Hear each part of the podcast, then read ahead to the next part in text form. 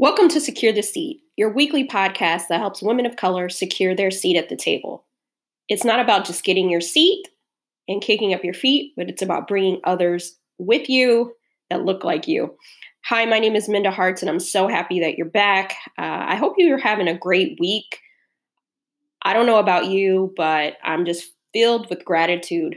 You know, being in the my house since the middle of March. Um, I think any other time I would have been going stir crazy, but I have this um, sense of gratitude because I actually like where I live. And I think that that's a privilege. And I had to shift into a different type of mindset because, yes, I'm inside the house, but listen, I, I, think about my very first apartment when I got out of college. It was like a Cracker Jack box.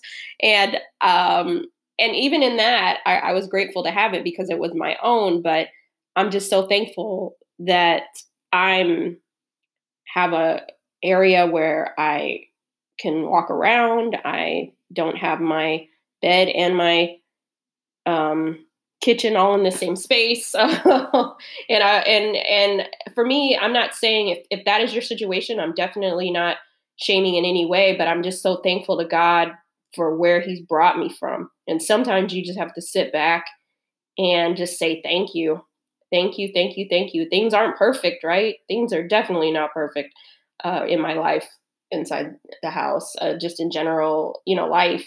Um, I had so many plans at the uh, over these last few months that have definitely had to shift, but I have my health and um, and the people around me, uh, for the most part, are healthy, and so it just really makes you put things into perspective. I'll tell you.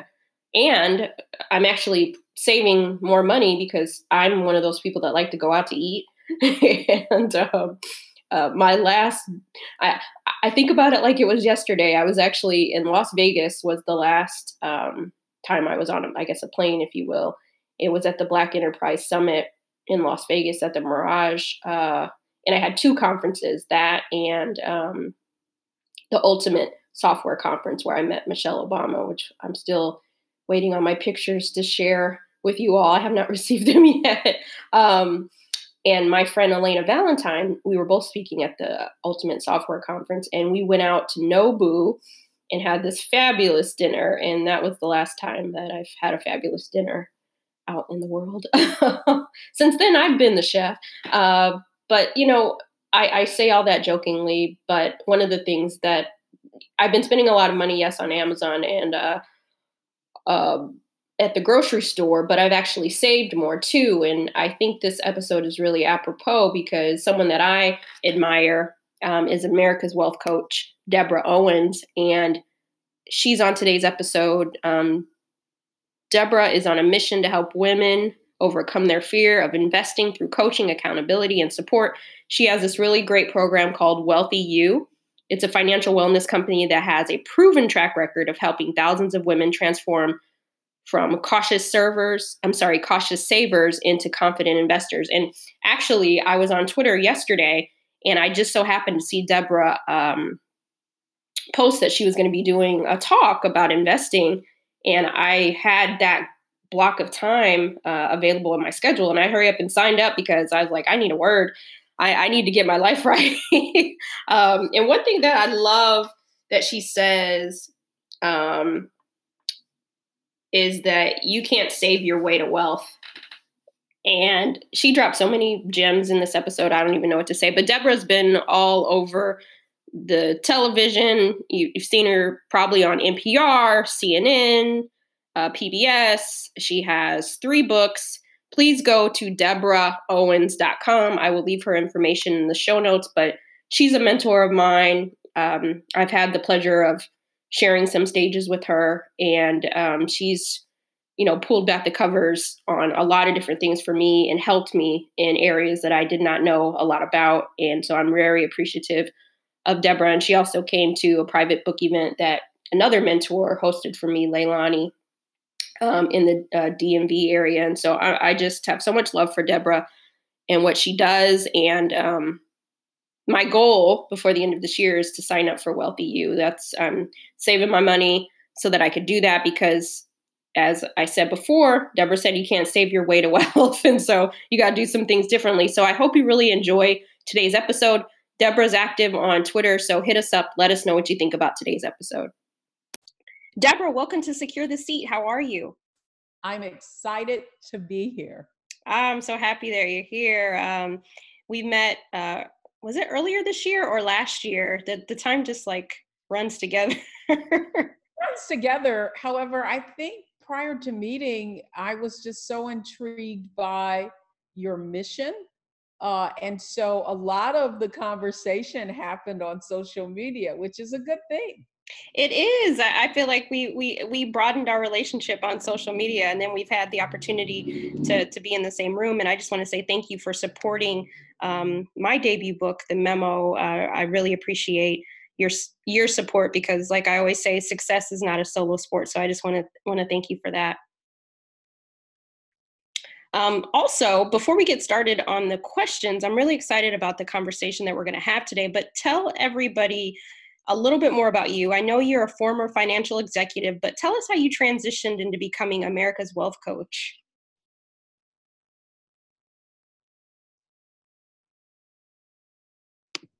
Well, I'll tell you, Minda, so much of my journey has been serendipitous and a result of uh, following my internal voice. And what I mean by that is I actually entered the financial services industry based on a dare uh, from a friend uh, who knew someone at Merrill Lynch and said, don't you want to work at this brokerage firm? I didn't even know what a brokerage firm was. And I thought, sure.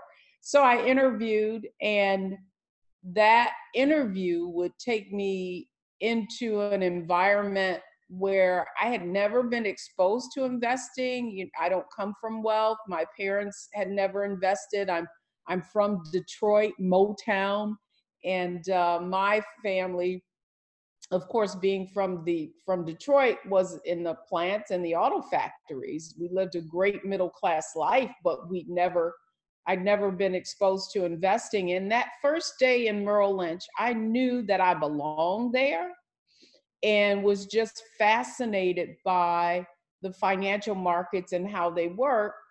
And interestingly enough i was working as an assistant to three brokers and the branch manager could see that I was sort of overqualified for that role and asked if I wanted to get my securities license, and the rest is history. And it is through that initial um, introduction and access to this whole world of stocks and uh, IPOs, and I started with the commodities broker uh, from there, it all, a very complex system was something that I had the gift of demystifying. And that's really what led me to uh, really want to be an advocate that focused on financial education, even though I was in sales management and want folks to understand is how advocacy and really wanting to um, fight for others can really be one of the keys to really finding what your purpose is in life. I love that. And one of the things that I, I love um, hearing you speak about is closing this wealth gap. And particularly, you know, why is it important for women of color, Black women, to understand healthy financial principles and apply them to our lives. Uh, I would love to hear your thoughts on that. Well, in this journey to become America's wealth coach, one of the things that became very clear to me was that the wealth gap is a knowledge and an investment confidence gap in that order. Because it's through knowledge of how the financial markets work and learning how to take calculated risk that you grow investment confidence. But it's just like anything, if you've never been exposed to it, it's very difficult for you to understand. And so, women of color are typically risk averse. And what I mean is that we are accustomed to saving and not investing. And so, as a result of that, the gap is even wider because you really can't save your way to wealth. And so, what I mean by that is uh, interest rates are lower than they're ha- than they've ever been. And so, if you are in investments, and they have been for the past decade, and if you are in investments that aren't uh, paying a return of above 3% then you're you're not even you're standing still your money isn't even growing at the pace of inflation. And so why it is critical for women of color to uh, uh, gain this knowledge so that they can close their personal wealth gap is that that is the only way we will build generational wealth and stop the um, what I call being scratch babies, right? Where every generation starts from scratch, and every time that happens, we're always starting further behind.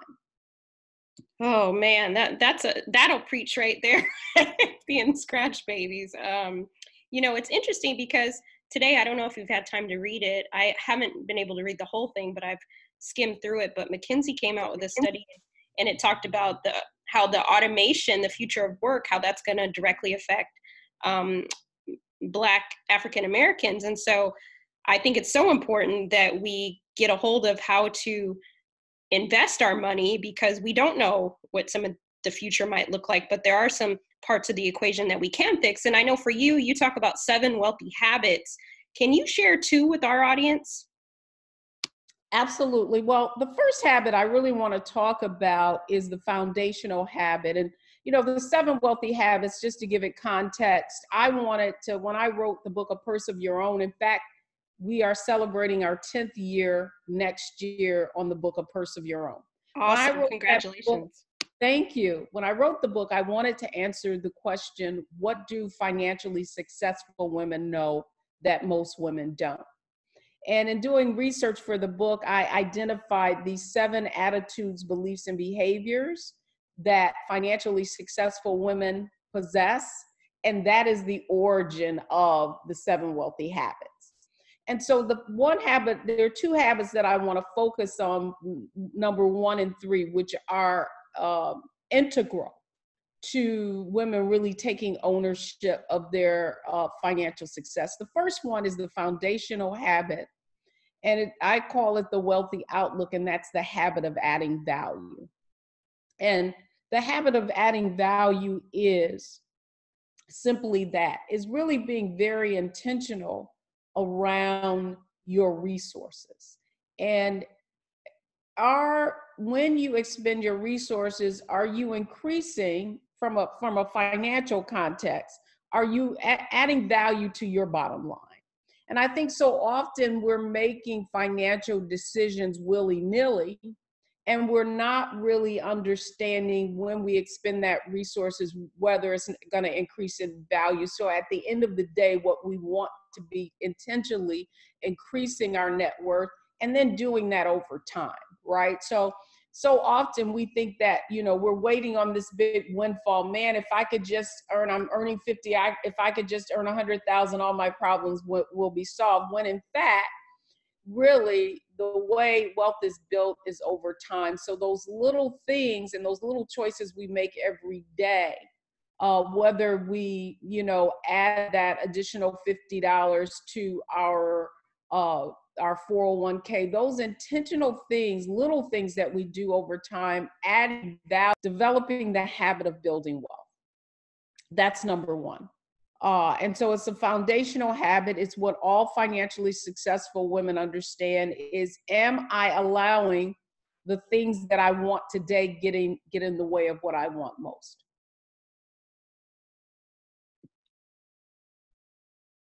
So that's number one wealthy habit number one. And the other one I want to focus on is wealthy habit number three, which I call the wealthy appetite, and that's the habit of increasing your financial acumen. Uh, so much of our wealth gap in my experience after coaching thousands of women in the past decade is that our lack of sophistication around the financial markets, how to actually analyze and research stock and mutual funds in our portfolios, so much of that lack of knowledge is why we haven't built the kind of wealth that we could have. And, you know, over our lifetimes, what so many women don't understand is that you're going to earn millions of dollars over your lifetime. But what is important is that you capture that value along the way for your future. And so when you gain financial acumen, when you gain the confidence to make uh, solid financial and investment decisions, you gain the confidence and ultimately it reflects in your in your assets and in your net worth. Ooh, I know that people are going to run out and uh, get get the book because um, they need to know about the other habits, right? and, and, go to your website, which we'll do.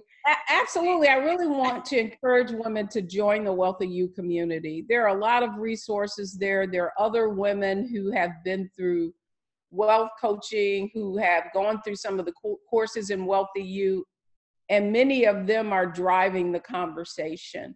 I mean, the whole folk. The reason I started Wealthy You, so I really went through. Uh, you know, the business has went from a a transformation of me as America's wealth coach, being on television and giving tips and speaking all over the country. And now we develop Wealthy You, a financial wellness company, which really we had to take the next step.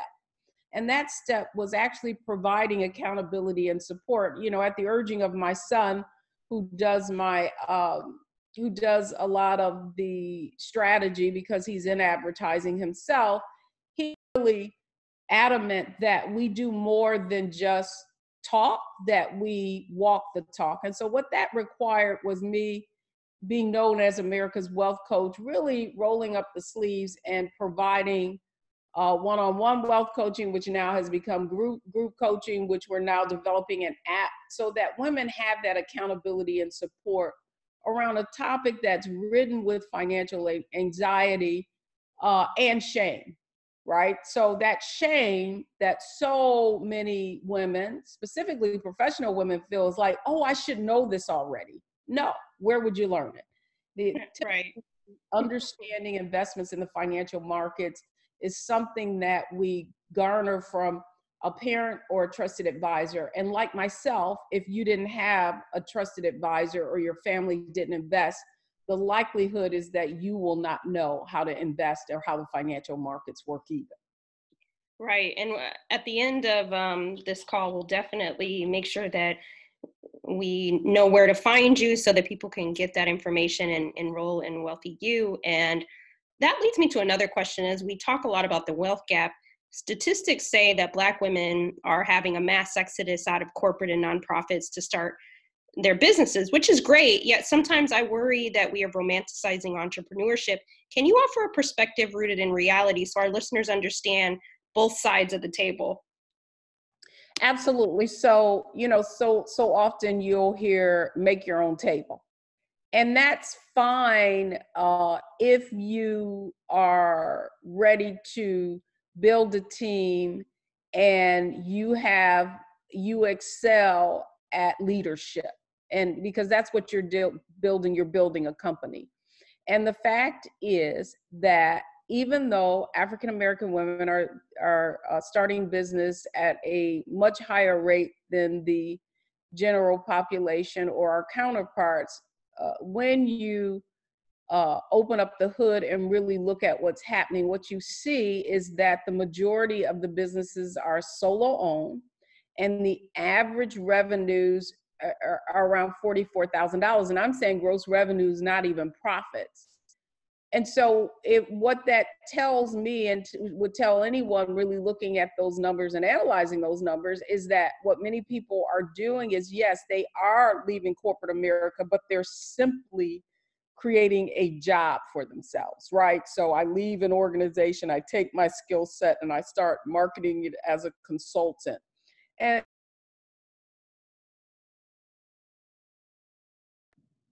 the truth is that you can be successful in eh, as an entrepreneur or as an entrepreneur. And I've done both. I was very successful in my corporate career using a lot of the strategies and tactics that you talk about in the book the memo. Had I had that book, I probably would have been the CEO. However, so much of what I learned, I did intuitively. You know, understanding sponsorship, um, understanding to to uh, uh, go to happy hour, to do dinner, as we called it in my corporate uh, environment, in my corporate culture, uh, to forge those relationships, to uh, really become a prom- problem solver, to, to, to volunteer, to get exposure. Proximity was so important to my success. And so it doesn't matter which one you do, what matters is, you, is that you do either one of them well.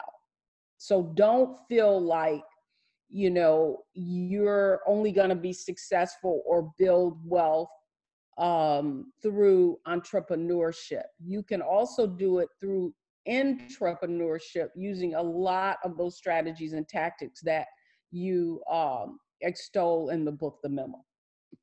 Thank you for that insight because I, I think it's important for us to understand both sides. I know just because many of us have left our corporate jobs right now and started businesses doesn't necessarily mean that we're going to make the money that we once made before right? There are some but hopefully many of us will. And so but it's under but it's nice to understand and have things rooted in reality um, and having those conversations as well. So thank you for for giving both of those perspectives. And where can people find you, connect with you, get get involved, support your work? The easiest way to connect with me is through uh, the social media uh, platforms. So I'm a big Twitter user, as you are, so they can just connect with me at Deborah Owens. I'm typically spouting off and ranting and having my conversations, along with spreading cheer and tips, wealth building tips. Uh, they can follow me on Instagram as I am Deborah Owens. But the easiest way to get to all of that is to just go to wealthyu.com or deborahowens.com and you'll learn about any of the workshops or seminars. I travel all around the world speaking because I am in the business of helping women of color take ownership of their financial success. Oh, that's awesome. And I'll make sure that we have all of that information on uh, the show notes so that people can connect with you. And ever since I heard you speak, Deborah, I've said, you know what, Minda, you gotta sign up, you gotta get involved in Wealthy You. And and that is on that is on my goals before the end of this year. 2020 is to be one of your students because I want to make sure that I'm securing my seat with my finances as well. So um, for those who are interested in in being a student along with me, let let's go ahead and do this do this together. I love it, and uh, if not, I we we'd probably stalk you. But you know, I just want to leave you with this, Linda. I think that our missions are so aligned, aligned in that you're really focusing on, on women of color getting earning the income and getting the roles and the and, and access to leadership roles that they they uh, not only desire but also deserve. Whereas Wealthy You is in the business of helping those same women. Now that you're earning the income, let's turn that income into real wealth. So I just applaud the work that you're doing. It is so necessary, and it's a tough conversation to have particularly eh, as you've been so vulnerable about your own story. But again, it is necessary. Thank you so much. I appreciate you seeing me. And I couldn't let you go without you answering my bonus questions. And for many of our listeners, maybe you're the first time listener today, but I am a lover of grits and rap lyrics. And Deborah, what is your favorite rap lyric and why? What is my favorite rap lyric and why? Well, you know, I'm Motown old school. and, uh, but I, I, I, if, if, let's let's see. So if um, if Mary J. Blige would be considered rap, uh, she hits us of, with the bars. Yes, let's do Mary. yeah, yeah. So you know, what I love about Mary J. Blige is her grit, right? And I recently saw her on a Tom Joyner cruise.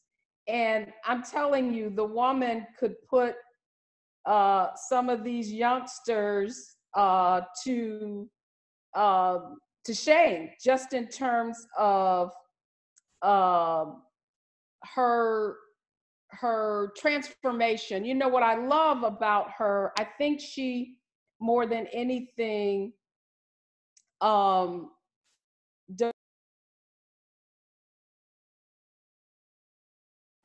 she defines for me what resilience is. And so, you know, her my favorite song of her of hers is I'm just fine. Uh so, you know, I probably can't recall uh, the lyrics in itself. But what I would say uh, just about um, her work and and how she has inspired me, and you know all of her songs, whether it's "Not Gonna Cry" or "Be Without You," in her pain, uh, I think that uh, uh why for a woman of color and for a black woman of in particular she um, exemplifies what I consider to be, uh, you know, going through the fire and each time, uh, like, you know, like iron being refined each time. So that resilience and, and refinement, uh, Mary, Mary J. Blige is, is what I would consider my version of the queen of rap for my generation.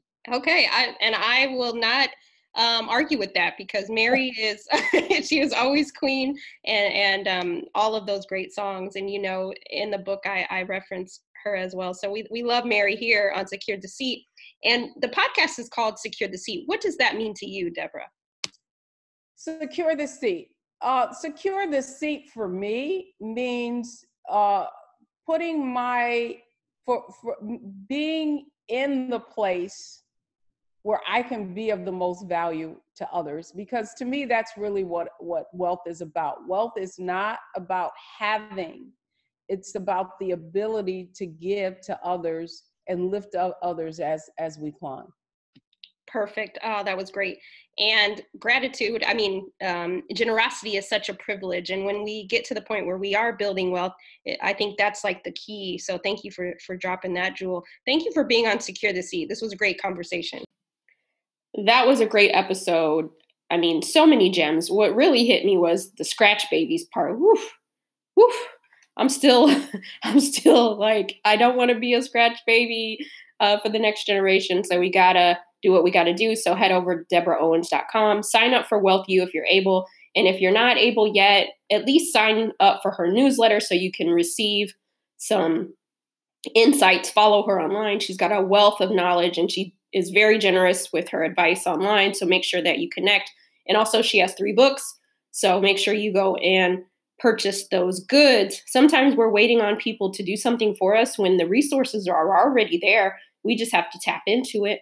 Uh, which brings me to my last point. Shout out to all the class of 2020 uh, Secure the Seat Writers Retreat graduates. Um, we had 37 future best-selling authors sign up. We had two days of it was phenomenal. It really exceeded my expectations. We used a platform called Hopin, which created a virtual experience, event experience. We had phenomenal speakers. Um, the tribe of the community, the squad was just bar none. I don't even know if I could recreate what happened over those two days. It was just magical. Um, so I am just so happy that they invested in themselves in this way. If you missed out or for whatever reasons you weren't able to attend this year, go to my website, mindaharts.com, sign up for um, the next round. I don't know when that will be, probably this summer, um, but I do have a waiting list.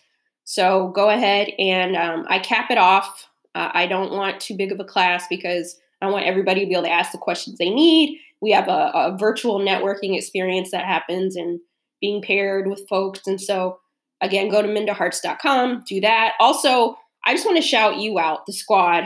Thank you for your support of my work, the memo, memo the company, all the things. Um, you know, just I'm out here doing different talks, and I I just thank you for showing up. Um, I hope you know that I'm rooting for you and I'm here for you. And um, pretty soon I'll have some new information to share with you all that I'm really excited about. So keep securing your seat, and I'll see you next Wednesday.